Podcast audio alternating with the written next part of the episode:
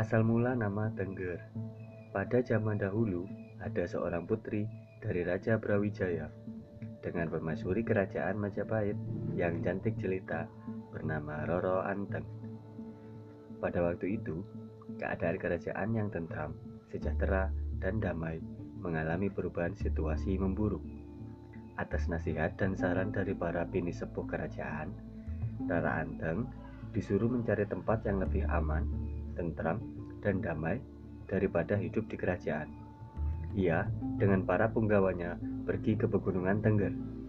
Di desa kerajaan, ia singgah selama satu windu. Kemudian, ia melanjutkan perjalanannya ke desa penanjakan dan menetap di desa itu serta mulai bercocok tanam. Di tengah pegunungan, dekat Gunung Bromo, ada seorang pendeta bernama Resi Dada Putih yang berasal dari sekitar Majapahit. Ia bertemu dengan Rara Anteng yang datang dari Majapahit dan sedang mencari ayahnya.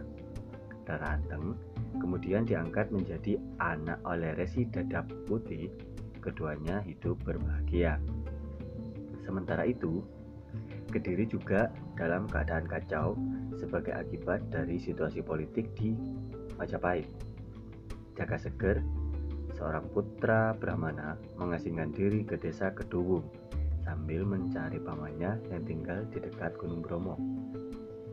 Di desa ini, Jaka Seger mendapatkan informasi dari penduduk bahwa ada sejumlah orang dari Majapahit yang menetap di Penanjakan. Jaka Seger kemudian meneruskan perjalanannya sampai ke desa Penanjakan. Pada suatu hari, sewaktu pergi mencari air, Rara Anteng bertemu dengan Jaka Seger yang minta tolong karena tersesat. Rara Anteng menolong dan mengajaknya pulang ke pondoknya.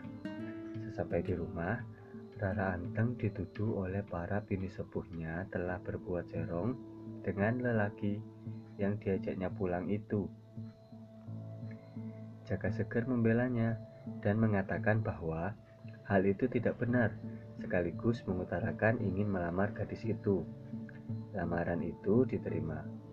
Adapun yang bertindak sebagai pengesah perkawinan sesuai dengan agama mereka adalah Resi Dada Putih. Meskipun perkawinan Jaka Seger dan Rara Anteng sudah berusia sewindu, namun mereka belum juga dikaruniai anak.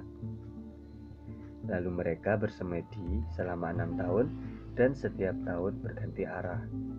Pertama kali mereka bertapa dengan menghadap ke timur, kemudian ke selatan, ke barat, ke utara, ke bawah, dan ke atas. Setelah semedi, mereka ditanggapi oleh Sang Hyang Widiwasa dari puncak Gunung Bromo. Keluarlah semburan cahaya yang kemudian menyusup ke dalam jiwa Roro Anteng dan jaga seger.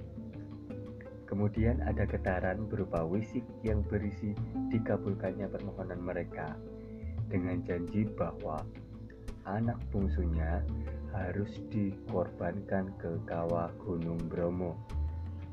Setelah itu, mereka berdua pulang ke pondoknya dan hidup dalam keadaan aman, tentram, damai, dan sejahtera.